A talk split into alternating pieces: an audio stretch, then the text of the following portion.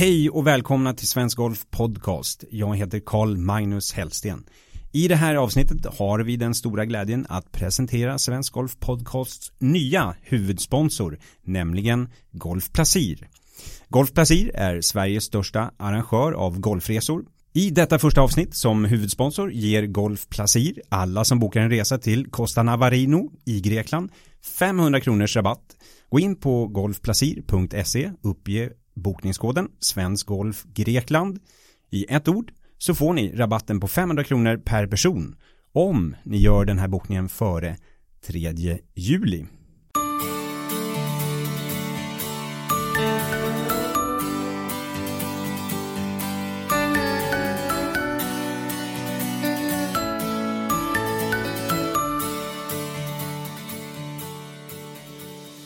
Hej och välkomna till Svensk Golf Podcast Dokument.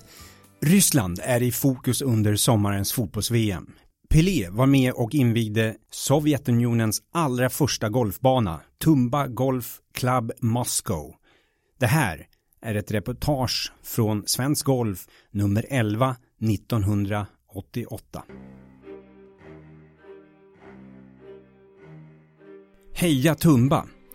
Med generalsekreterare Gorbatjovs glasnost och med Sven Tumbas entusiastiska arbete kom golfsporten till Sovjetunionen. När driving rangen som första etapp i Tumba Golf Club Moskva invigdes fanns många idrottsstjärnor på plats för att celebrera den historiska händelsen. Det här är Anders Nordlunds berättelse från den historiska golfhändelsen.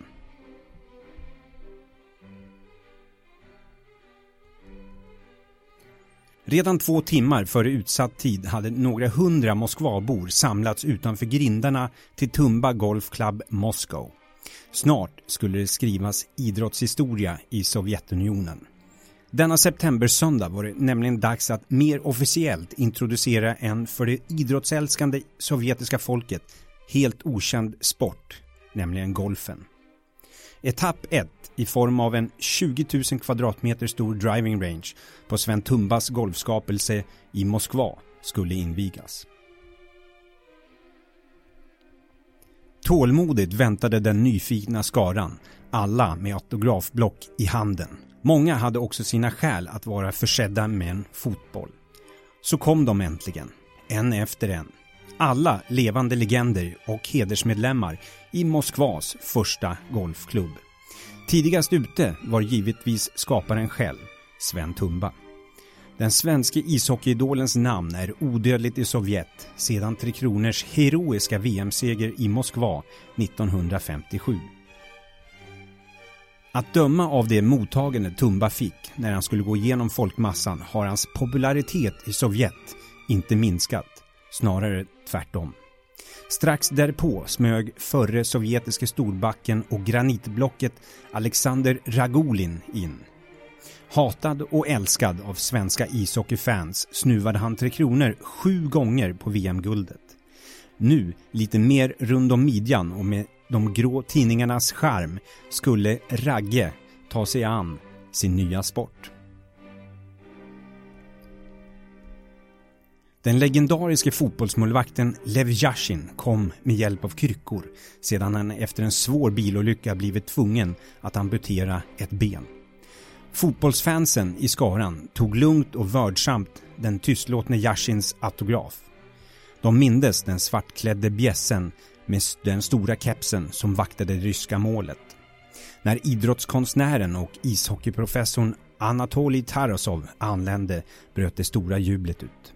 Tarasov, som förfinade ishockeyn, är omåttligt populär i Sovjet och hos Sven Tumba som tog emot sin gamle vän med pussar och kramar. Oanmäld för åskådarmassorna dök boxningens tungviktsvärldsmästare Mike Tyson upp. Tyson, som svingat ihop 600 miljoner kronor på sin sport, gick som en bisonoxe genom folkmassan. För att komma undan alla skriverier i västvärldens tidningar hade Tyson sökt en tillfällig fristad i Moskva där hustru Robin Givens skulle spela in en amerikansk tv-serie. Sven Tumba, som är snabb i tanken, var inte sen att hänga på. Och till sist, Pelé. Nu 48 år gammal, 173 centimeter lång, bländande vackert kastanjebrun, välskrudad i grå flanellbyxor och klubbläser tog världens genom tiderna största fotbollsspelare och idrottsidol emot Moskvabornas uppvaktning. Med ett varmt leende på läpparna och ett ord över till alla skrev han autografer i block och på fotbollar. Invigningen blev mer en glad happening än en välregisserad och stel ceremoni. Jagade av autografjägare och den stora flocken ryska fotografer drog sig hedersgästerna in i den lilla svensktimrade stuga som ställts upp på plats för att tills vidare tjäna som klubbstuga. Då och då kom Sven Tumba själv ut, slängde ur sig de ryska glosor han lärt sig för att på så sätt hålla ångan uppe bland de drygt 2000 Moskvabor som trängdes utanför stängslet runt golfklubben. Då och då slog Tumba iväg några bollar som fick publiken att jubla när de landade vid 200 meters skylten.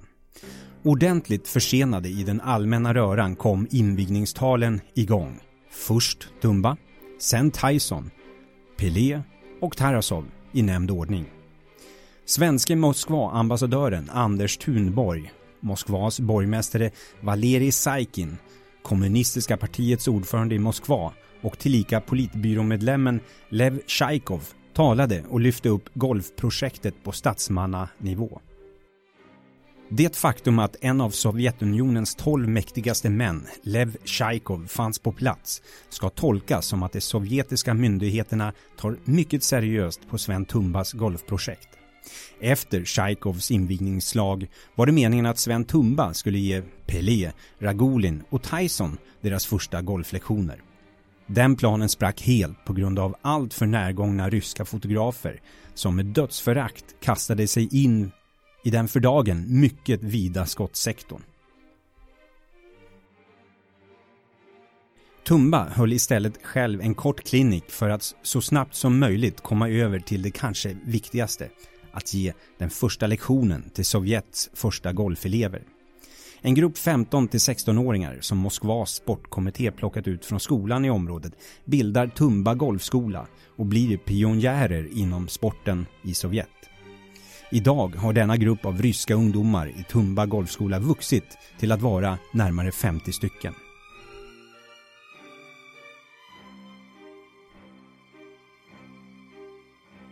Tumba står för filosofin bakom utbildningen. Klubbens svenske pro, rysktalande Lars Hovander, svarar för undervisningen. Hovander är anställd av Sven Tumba International och klubbens golfansvarige. Från och med mars nästa år är Hovander fast stationerad i Moskva. Sven Tumba är i sina bästa stunder genial. Han är en galenpanna som älskar utmaningar. Introduktionen av golfsporten i kommunistiska Sovjet och byggandet av den första golfbanan där är hans allra största och galnaste hittills. Via sina idrottskontakter har Tumba i drygt 20 år arbetat med projektet. I Gorbatjovs, Glasnosts och Perestrojkans tid är han nu på väg att lyckas.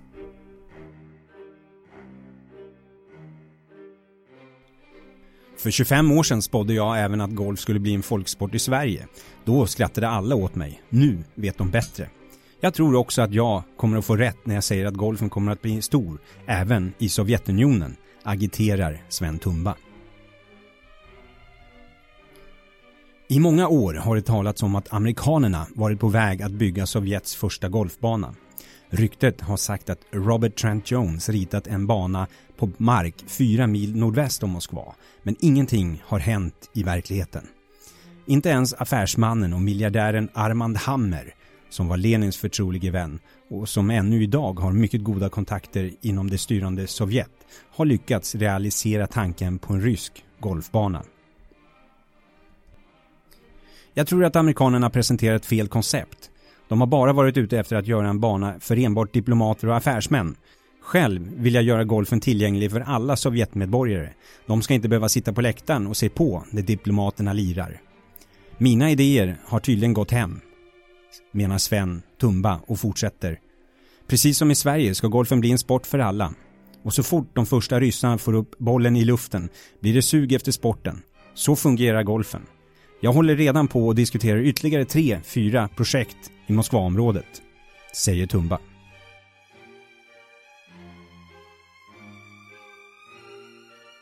Efter ett långt och mödosamt arbete via idrotts och diplomatkanaler fick Sven Tumba av Sovjets sportministerium uppdraget att introducera golfsporten i landet. Han startade jakten på sponsorer som skulle hjälpa till att projektera och marknadsföra golfbanan. Idag finns 19 så kallade founders som alla satsat 150 000 kronor vardera. Under en tur på Moskvafloden förra hösten på båten MS Maxim Gorki bildades Sovjets första golfklubb, Sven Tumba Golf Club Moscow. Samtidigt myntades klubbens devis Sport promotes friendship. Sport främjar vänskap. Dessa tre ord täcker hela idrottens idé, säger Tumba övertygande. Det är många världsstjärnor som ställer upp på devisen och därför också accepterat att få bli hedersmedlem i klubben. Sport ger vänskap, något som ingen i världen kan ta ifrån idrotten. Och det går inte att göra politik av det, säger Tumba. Smarte PR-mannen Sven Tumba har också fyllt listan med hedersmedlemmar med många namn. Här finns givetvis partichefen Gorbatjov med fru, regeringschefen Ryzjkov, ett par diplomater, schackgeniet Anatolij Karpov, artisten Alla Pugacheva, skådespelare som Sean Connery, idrottsstjärnor som Björn Borg, Carl Lewis, Seve Ballesteros, Arnold Palmer, Ingmar Johansson, Ingmar Stenmark, Gunde Svan, Lotta Neumann, Mats Wilander, för att nämna några. Och så, förstås, Pelé.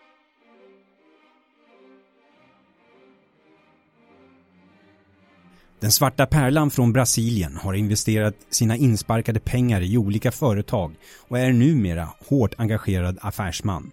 Pelé kom till Moskva och invigningen dels för att diskutera juiceaffärer. Juice är en av många bristvaror i Sovjet. Och dels som idrottsambassadör. Jag frågar Pelé om det är sant att han fått en förfrågan om att bli Brasiliens president.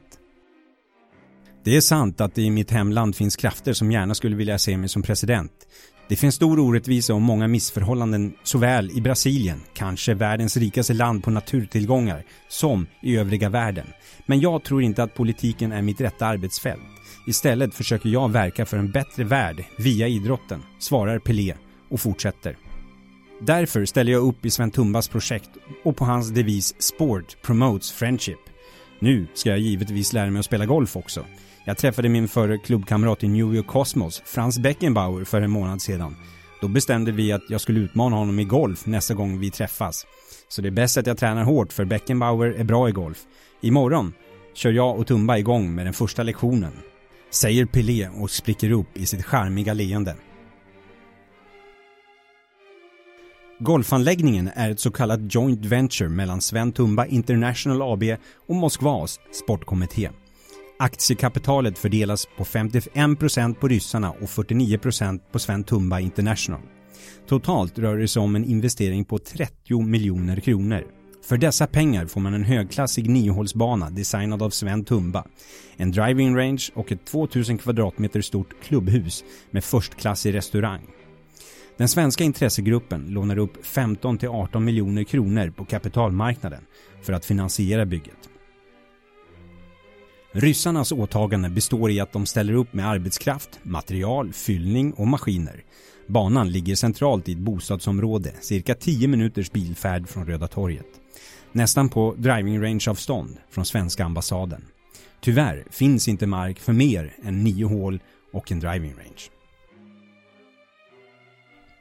I anslutning till detta byggs också en tennisanläggning med 15 tennisbanor. Allt är utlagt på ett område som tidigare såg ut som ett månlandskap format av tippmassor. För att få fason på soptippen har 270 000 kubikmeter fyllnadsmassor körts på. Hela området har höjts upp och som mest handlar det om 2,5 meter. För att snabbt få igång driving rangen köptes grästorv från Hammenhögs gräsodlingar i österlenska Kåseberga. Sammanlagt 20 000 kvadratmeter, motsvarande ungefär två fotbollsplaner, gräsyta i form av 40 cm breda och 2,5 cm tjocka remsor fraktades som rullar på pallar i 22 ryska kyllångtradare från Kåseberga till Moskva. Den svenska entreprenören Siab som håller i bygget har alltså driving rangen klar. Grovschaktningen av banan är också undanstökad, man håller på med finplanering och i maj nästa år räknar Siabs platschef med att kunna så fairways och griner. Även om banan inte är helt spelklar planerar vi att öppna den under senare delen av september nästa år, bara för att få igång det hela. Sak samma med klubbhuset och den business club som ska bildas. Men 1990 blir den första riktiga spelsäsongen, berättar den svenska projektledaren och Siabs Göran Blomgren.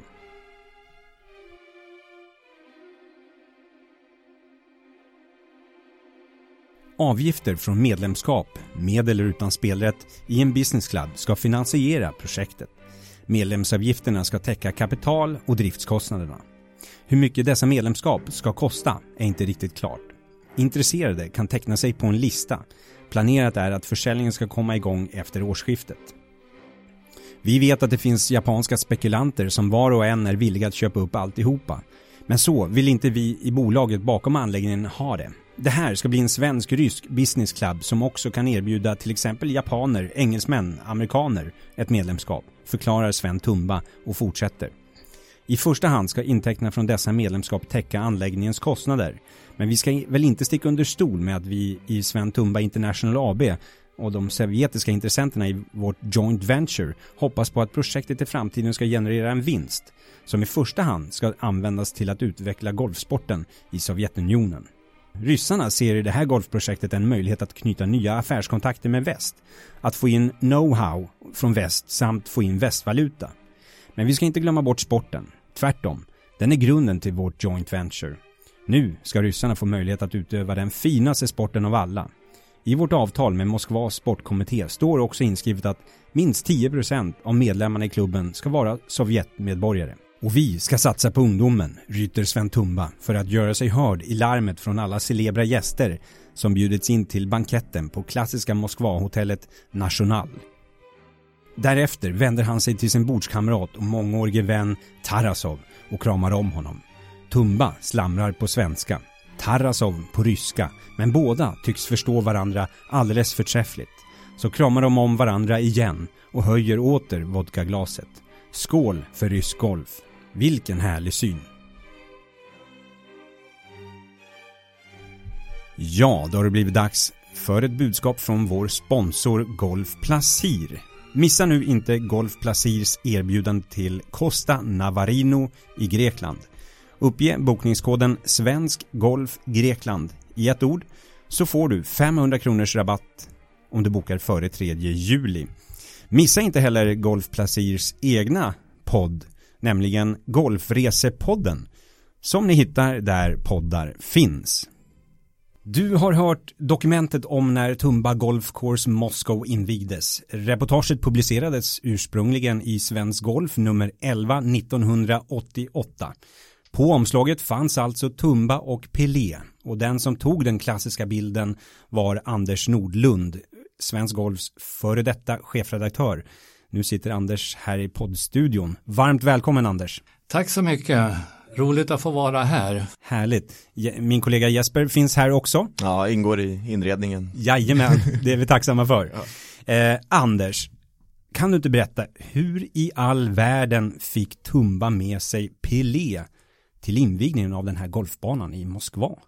Ja, hörde, det var mycket som hände de där dagarna, två dagarna som vi var där ute på den här ranchen som skulle invigas. Och jag har försökt, försökt sammanfatta lite och försökt minnas lite vad som hände.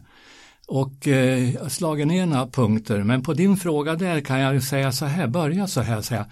Sen Tumba, han hade ju en nästintill unik, en skrämmande för den del också, förmåga att locka till sig krafter för att finansiera och marknadsföra sina verksamheter och projekt.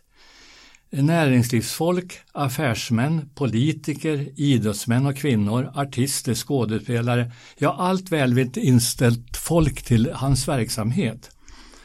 Så Perlé, han var nu bara en av alla dessa. Han hade tagits in som hedersmedlem bland många andra i Tumba Golf Club Moskau. Eh, och vid den här tidpunkten var Pelé anlitad som någon form av marknadsförare för ett brasilianskt juiceföretag och var i Moskva för att göra ett jobb åt det här juiceföretaget. Tumba hade kollat upp Pelés tjänsteresor och synkade invigningen, smart som Tumba alltid var.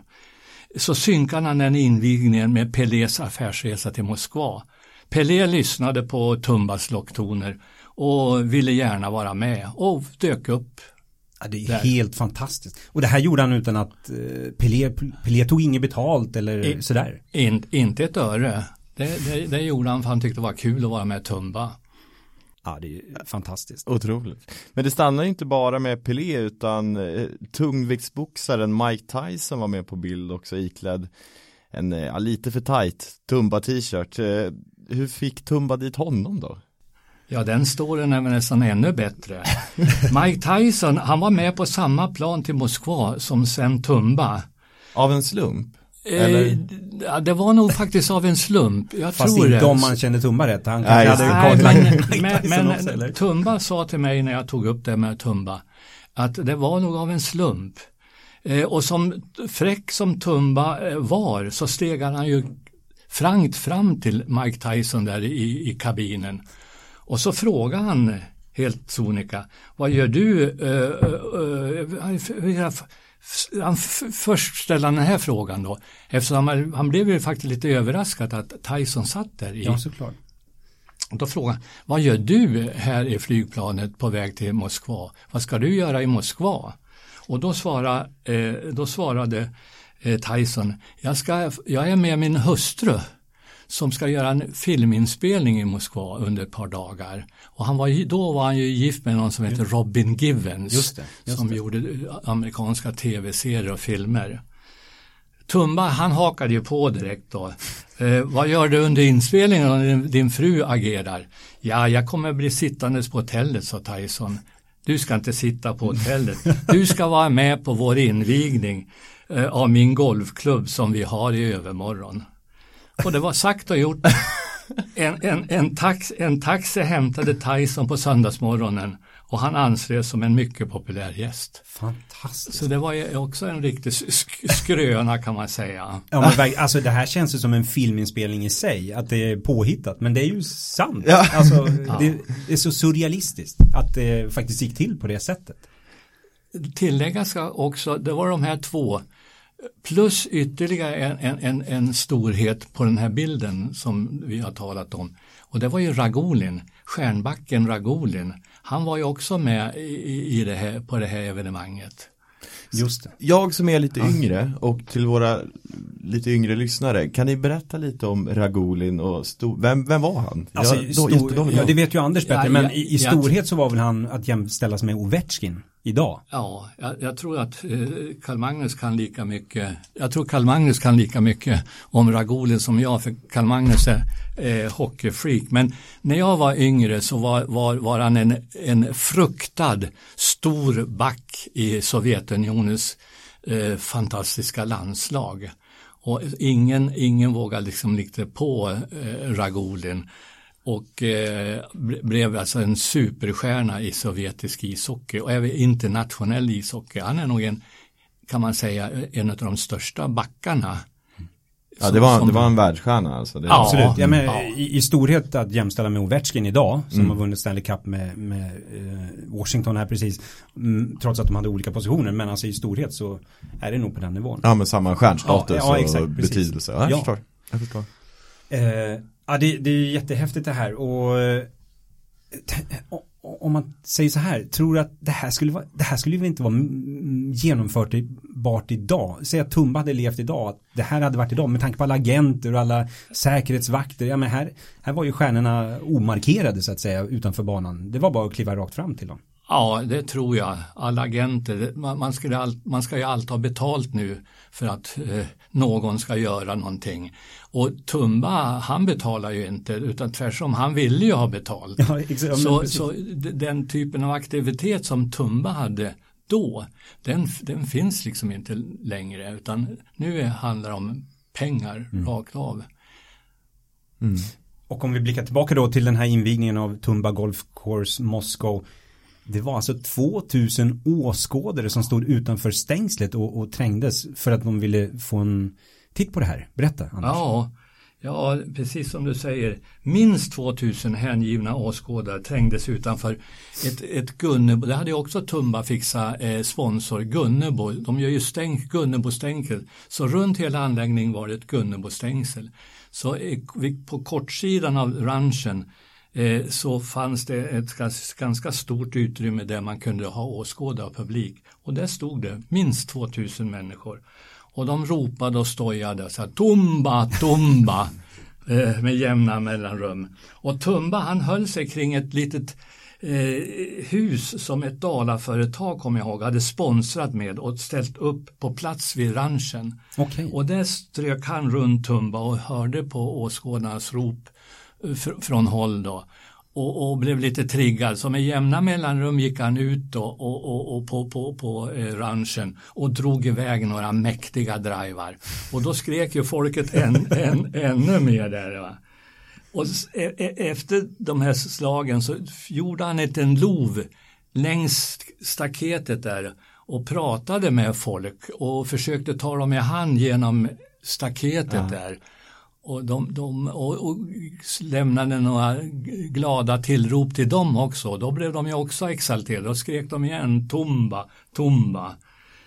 Så, så det var en, en stor show, bara, även utanför. Ja. Verkligen. skulle du säga att Tumba var större än eh, Pelé och Tyson i, i publikens ögon? I publikens ögon var, var Tumba. Det var, jag tror man kan säga det, det var för Tumba de första han var där. De, de var nog inte där för att se Pelé, utan nej, jag nej. tror det var mer Tumba som drog. Men hur, hur stor var Sven Tumba i, i, i det forna Sovjet? Ja, det är en bra fråga. Hur, hur stor blir man i, i Sovjetunionen? Men om man säger så här, har man snuvat alltså ryssarna eh, på ett VM-guld i deras egen kula, det gjorde de, det gjorde ju Tre Kronor, var det 57 va? 57. Och det är den enda gången som något lag har vunnit ett, ett, ett, ett VM i Ryssland eh, över ryssarna. Ja, I gamla Sovjet i alla fall. Ja, i, precis, ja, precis i, gamla, ja. i gamla Sovjet. Va? Då har man liksom satt ett rejält avtryck för all evighet. Och sen, eh, för jag menar, hockeyn var ju enormt stor i Sovjetunionen. Den är fortfarande stor, men jag undrar om inte var liksom ännu större eh, under Sovjettiden. De, de vann ju mycket mer då, mm. plus att de, de var liksom mer statliga diplomater, mm, laget då, så ja, de var precis. jättestora. Och ja, men de slog ju Sverige i var och varannan match med 10-1. Ja, ja. Alltså Sveriges bästa spelare mot ja. Sovjet, det blev 1-10. Mm. Man var glad om det var oavgjort efter en period, så hade man liksom en bra chans. Liksom. Ja. Sen tror jag också att Tumbas, Tumbas spelstil, han var ju ingen robot, som de ryska spelarna var lite mer robotmässiga. Tumba var ju en lirare va. Det. Och hans, och hans spelstil tillsammans med hans personlighet. Han bjussade ju på spelet, han bjussade på sig. Mm.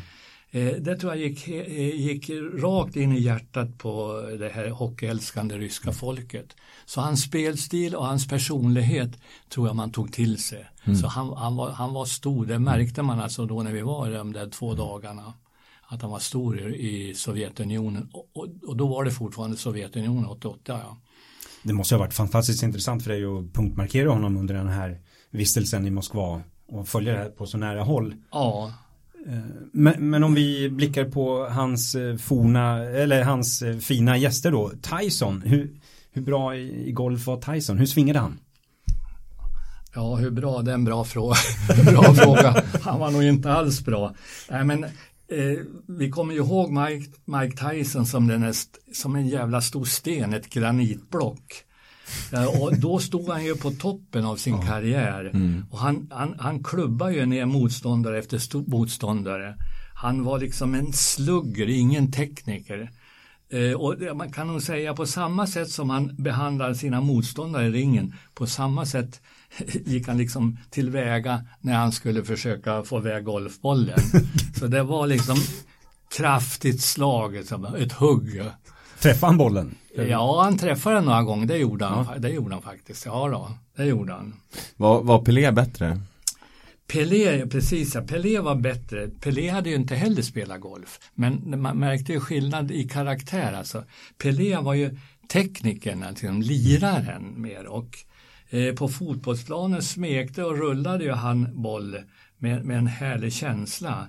Han bjöd också på klacksparkar, eh, vet vi, men, men, men, men också mycket, var också mycket effektiv framför mål.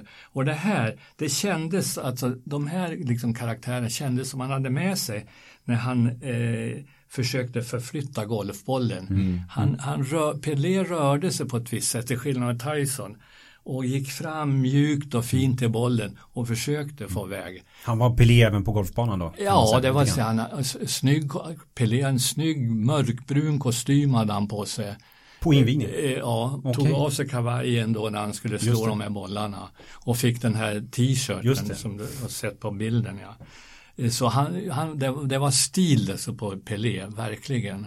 Klass. Ja allt han gjorde andades liksom stil och klass. Mm, och så hade han väl lite mer bo bolltalang då kanske än Tyson. precis ja, precis ja. Mycket mer bolltalang. Jag tror, inte, jag tror inte Tyson var så intresserad av någon sån, den typen av teknisk Nej. talang. Han bankade på bara. Precis. men, men det, det är så konstigt att att, att Mike Tyson hamnade där. Ja, ja tack vare Tumba. Ja, alltså men det... så konstig dag han måste ha haft liksom. Först när han satte sig på flyget där ja. och träffade Tumba ja. och sen bara Ja, jag har tydligen något att göra nu i, ja, i precis, ja. Han, han hakade på och där satt han he, hela dagen satt han inne i den där lilla, dal, det där lilla dalahuset som de hade satt upp där. Och ibland gick han ut och satt på entrén och ibland satt han där inne för sig och men pratade. Mm. Jag kommer ihåg jag gick fram till till Tyson. Jag, jag, jag satt ju in till Tyson. Eh, till titt och tätt. Jag gick fram till Tyson och så sa jag May I feel your fist. Sa du det? Ja. okay. får, jag känna din, får jag känna på din hand? Alltså. Tyson läspade lite, kommer du ihåg? Lite. Ja, just det, just of course, of course, han. Så sträckte han fram handen wow. och så tog han mig i handen.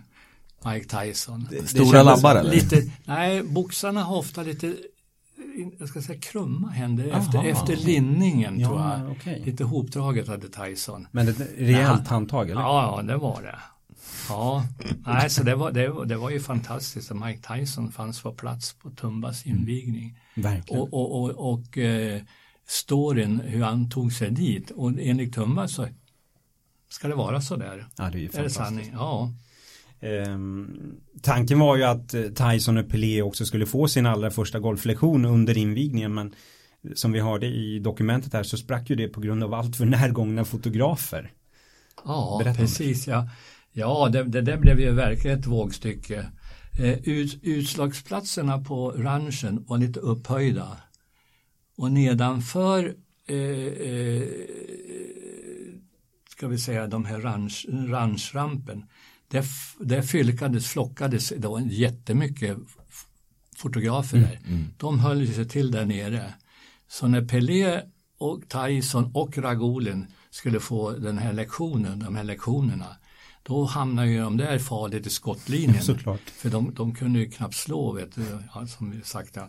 Så Tumba han förstod att det här, det här kommer vi inte att klara av, så han försökte flytta på den där skocken på, på, på, på sin eh, ryska och sin svenska men det var omöjligt att flytta hela gänget där. Så den där eh, lektionen den övergick istället till en ska säga fotosession och det var då de här bilderna Just togs. Det. Och sen kan man också säga, och före den här eh, eh fotosessionen och, och, och, och eh, tilltänkta lektionen, då var det ju in, då var det ett invigningstal. Just det eller flera höll invigningstal. Bland, bland annat Mike Tyson va? Ja, ja, bland annat så var det den, den, det tyngsta namnet var ju en som hette Lev Saikov. Han tillhörde politbyrån. Han kom direkt från högsta makt alltså i Sovjetunionen. Ja, en av Moskv Sovjets tolv mäktigaste män var Ja, ja, det kan man det var han. Det var han. Och sen var det eh, svenska Moskva-ambassadören Anders Thunberg, Thunborg hette han va, eh, där och, och sa några ord.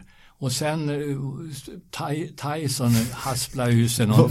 Vad sa han? Jag vet inte vad, han sa någonting bara där, han det var kul. För de, de, de, prov, provocerar väl honom att säga någonting. Och han sa någonting. Och, och eh, ja, så det sades en hel del. Och, och dessutom, som man ser på den här bilden på omslaget så ligger en, en katedral, en liten kyrka intill Golfbanan. golfbanan. Och eh, katedralen från den här kyrkan, han eh, invigningstalade och välsignade också hela anläggningen. Ja, det är helt Ja, fantastiskt. det hade han också fått, fått med Tumba. Det låter som ett ganska långt evenemang, att det var många talare, det måste ha tagit tid allting eller? Det tog, det tog, ja, det tog tid. Vi började tidigt på, på förmiddagen. Jag tror de började vid ja, tio tiden. Och sen höll vi på till mörkrets inbrott i princip. Och det stod hela tiden 2000 utanför och skrek tumba ja, tumba. det gjorde det. Wow. Det gjorde det. Verkligen. Och Tyson och Pelé var kvar Ja, under hela perioden. de var kvar hela perioden. Och det, det kom ju fler så att säga, eh, kända före detta idrottsmän. Bland annat kom ju Lev Yashin. Ja, gamla, Gamla fotbollsmålvakten. stjärnmålvakten 58, helsvart i. Sovjetunionen. Han kom. Han kom med kryckor. Ja. Han, hade, han hade varit med i en bilolycka så de hade amputerat ett ben. Men han eh, hoppade in där och var med också. Nej, så det drog ut på tiden. Det ville liksom inte ta någon ände. Det, det, det, det bara rullade på. Det var liksom som en stor happening. Det ena efter det andra liksom inte misslyckades men det funkade inte till 100 procent. Men det rullade på och alla hade roligt. Och, och, och tiden liksom gick. Efteråt så var det någon bankett, var det så? Ja, Eh, och där ska ryske hockeyprofessorn Tarasov och Sven Tumba haft en lång konversation trots att det bara pratade ryska och var det svenska eller var det engelska? Ja, jag tror det var, jag tror det var till och med sven, jag, jag tror de med, med, till och med att Tumba talade eh, svenska med, med Tarasov. Ja, för just eh, det här drog ut på tiden. Eh, och det blev ganska sent på eftermiddagen så det var snabb eh, marschen ner till en eh, bankett som man hade på Hotell National. Det. Det är ett gammalt klassiskt, fantastiskt hotell. Alltså. Gå in och titta på eh, deras hemsida kan ni se hur det ser ut. Det är ett fantastiskt hotell från tsartiden och ett stenkast från Kreml. Och där dukades det upp, jag överdriver inte om jag säger det, jag tror det var 15 meter långt bord eh, i en imponerande stor sällskapssal, enorm sal. Och längs hela mittdelen på bordet fanns det stora skålar eh, med rysk äkta kaviar. Är det sant? Ja, stora skålar med rysk kaviar. Fullt mittdelen och fat med diverse olika slags eh, korvar. Okej. Längs kanterna kan man säga på hela bordet, de där, det blir alltså nästan en 30, stod det uppstaplat med jämna mellan vodkaflaskor. Så där, där åts det eh, rysk kaviar och dracks vodka. Men vid ett, fönsterbord en liten bit bort, där hade Tumba och Tarasov hittat sitt eget eh, lilla, kan man säga, li, lilla tillflyktsplats. Så här satt de här två gamla eh, hockeykamraterna och skålade och diskuterade. Fortsätter med sitt livfulla samtal, upprymda. Och då och då, då ställde de sig upp. Tarasov på ena sidan av bordet och Tumba på den andra sidan. Och så kramar de om varandra. Och så satte de sig ner igen och skålade. Och, eh, och eh, Tumba pratar som sagt eh, svenska och Tarasov ryska men de, det verkar som de förstod varenda ord. De, de nickade och samtyckte i, i, i dialogen. Vilken förbrödring. Och, och, och, ja, precis ja. Och eh, på, både, jag kommer så väl och vilken syn det den, den, den, kom- den, den, kom, den synen kommer jag aldrig som glömma. När de där två står Tarasov var lite mindre, Tumba lite större. Tarasov i någon enkel liten rock bara på sig, Tumba i kostymen där. Och båda kramade om varandra och tårarna rann på båda två ut, Är det efter, sant? ut, efter, kin- ja, ut efter kinderna. De blev väldigt sentimentala de där två. Och ingen förstod vad den andra sa egentligen. Det, nej, det är ju fantastiskt. Det, det är in, nej. Någonstans så fattade de vad, vad de pratade om men förstod inte språket alltså. Nej. Eh, Det är ju en fantastisk historia. Ja, Anders, hur ofta tänker du tillbaka på de här dagarna i Moskva och invigningen av Tumbas golfbana i Sovjet? Ja, jag, jag, säger, jag kan väl säga så, jag går ju inte och funderar på dem dagligen eller, eller varje veckovis. Men ibland så, så, så, så får man déjà vu och man, man minns de här dagarna som vi hade där ute på den där soptippen och det, allt som hände och den här happeningen. Så det är klart man funderar ibland och som jag sa, som vi sa, det, det, det, det är nog den mest minnesvärda som jag fick vara med om de här åren.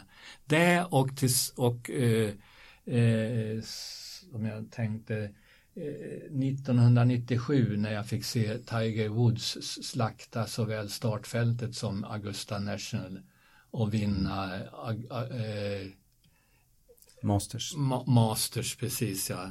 På, på, på ny rekordskår, vinnarskår. De två topparna lite. Men minnesvärt så är alltså den här Tumba-historien.